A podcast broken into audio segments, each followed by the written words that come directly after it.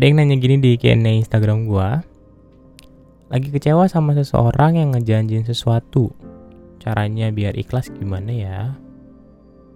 Gue pribadi tipe yang gak suka nagih janji sih. Karena gue tipe yang kalau lu mau nepati ya syukur. Kalau enggak ya udah. Karena sesimpel kalau lu mau serius sama janji lu lu pasti akan nepati. Kalau lu nggak serius pasti lu nggak akan nepati dan semuanya akan kelihatan.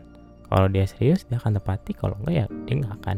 Dan dari situ gue udah cukup tahu aja dan gue nggak mau ambil pusing sama hal-hal yang kayak gitu.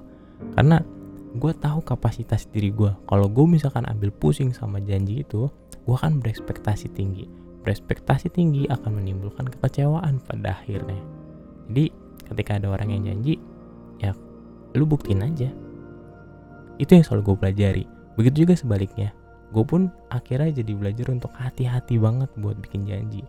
Jadi lebih baik kayak udahlah lakuin aja daripada janji-janji. Kayak gitu. Dan kalau misalkan udah kecewa kan agak repot jadinya. Mau gak mau ya kita udah maafin aja. Oh, oh ya udah ya udah. Ya udah idis wadidis udah lewat ya udah